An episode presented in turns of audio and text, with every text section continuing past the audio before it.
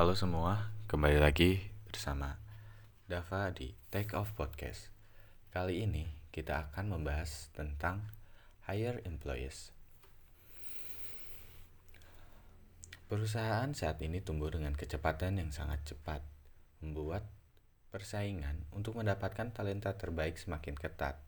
Sumber dayanya yang semakin langka, permintaan akan talenta terbaik yang terus meningkat, dan mengukur kecocokan yang tepat untuk pekerja itu sulit. Jika Anda mencoba mengambil keuntungan dengan cara tanpa adanya tes dalam perekrutan, Anda bisa dapat memotong sedikit biaya pengeluaran dalam pelaksanaannya. Apa itu mempekerjakan? Mempekerjakan adalah proses perekrutan melibatkan peninjauan lamaran untuk peran terbuka, memilih kandidat potensial, menguji kandidat melalui wawancara dan alat pengujian lainnya, dan membuat keputusan untuk mempekerjakan mereka. Proses perekrutan juga melibatkan pelaksanaan berbagai tes dan pemeriksaan prakerja. Poin-poin yang perlu Anda perhatikan, seperti kebanyakan hal dalam berbisnis, tidak ada jawaban pasti untuk pertanyaan ini, tetapi kita memiliki tanda-tanda maupun poin-poin yang mungkin Anda lewatkan karena kesibukan Anda. Berikut adalah 5 poin yang menunjukkan sudah waktunya Anda untuk memperkerjakan atau menambah pekerja. Yang pertama, karyawan Anda terlalu banyak bekerja dan terkadang melebihi kapasitas mereka dalam pekerjaannya.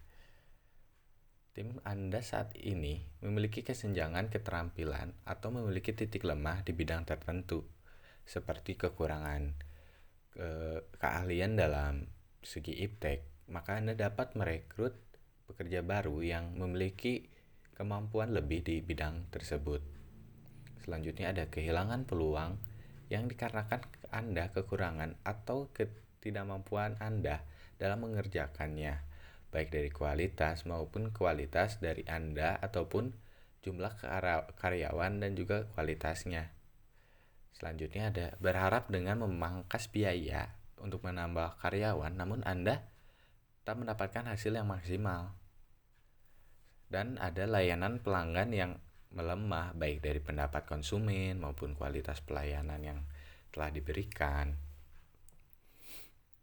Statistik penting yang mengungkapkan tantangan teratas yang dihadapi manajer perekrutan saat memperkerjakan.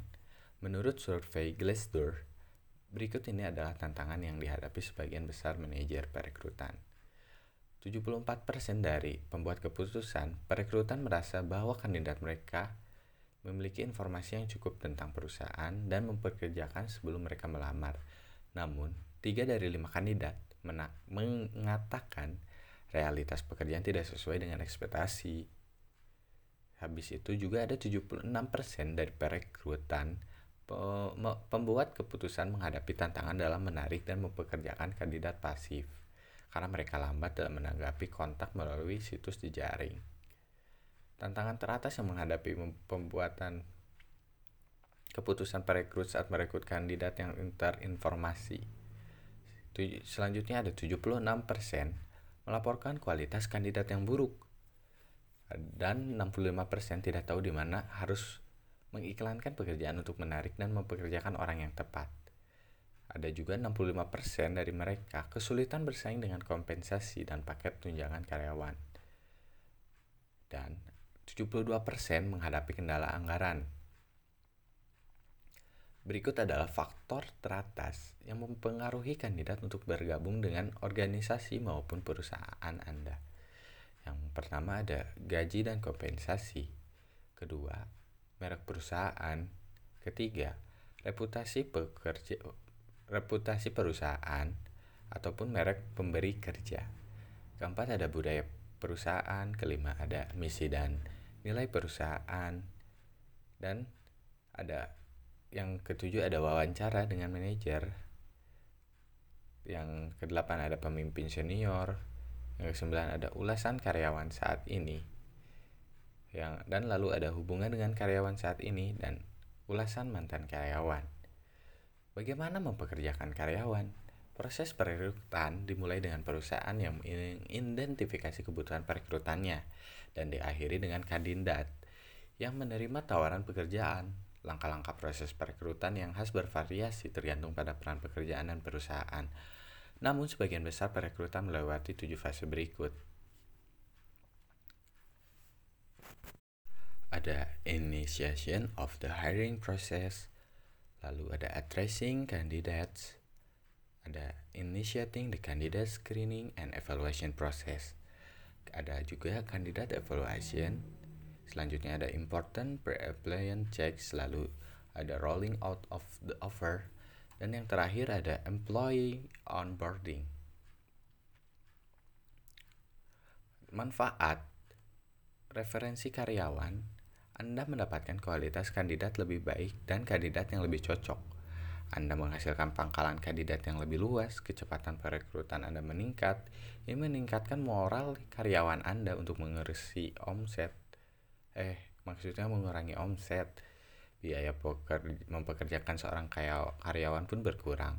Menjadi mudah untuk melawan ulasan negatif karena karyawan Anda telah tahu merek Anda dan memahaminya. Namun pastikan Anda memberi penghargaan pada karyawan atas referensi tersebut. Pertimbangkan opsi yang bisa Anda tawarkan seperti manfaat moneter, tunjangan, dan juga memiliki layanan atau barang seperti poin-poin lebih seperti mobil dalam inventaris ataupun barang-barang lainnya. Berikut adalah lima karakteristik iklan lowongan yang efektif. Iklan pekerjaan yang efektif biasanya terdiri dari judul pekerjaan yang kreatif, kata kunci yang relevan dengan posisi, kriteria pekerjaan yang jelas dan rinci, penjelasan yang jelas ringkas tentang persyaratan pekerjaan, dan nada yang nada yang personal dan bisa juga diterima oleh banyak. Lakukan penilaian bergantung pada keterampilan dan kompetensi yang Anda butuhkan untuk mempekerjakannya. Buat kandidat Anda menjalani penilaian yang mungkin mencakup beberapa hal berikut. Yang pertama ada tes keterampilan teknis, ada tes penilaian situasional, ada tes kemampuan kognitif, ada juga tes keterampilan komunikasi. Dan selanjutnya ada penilaian kepribadian dan juga tes simulasi pekerjaan. Jadwalkan wawancara uh, jadwalkan wawancara dan dengan beberapa cara seperti ada wawancara telepon, wawancara video dan juga ada wawancara tatap muka atau secara langsung. Jenis pemeriksaan latar belakang ada beberapa poin seperti verifikasi pendidikan dan kredensial kredensial akademik, verifikasi pekerjaan sebelum termasuk posisi gaji umur panjang dan kinerja pekerjaan. Selanjutnya ada pemeriksaan referensi bisnis, profesional dan pribadi.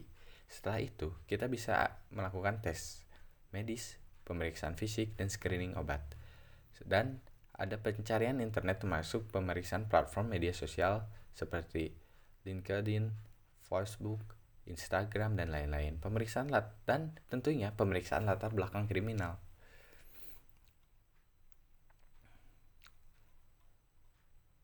Strategis. Pastikan karyawan baru menyadari budaya, misi, visi, struktur perkembangan utama perusahaan yang Anda lakukan dan dapat mengidentifikasi dengannya. Operasional Pastikan karyawan baru memiliki semua materi dan pengetahuan untuk melakukan pekerjaannya dengan baik.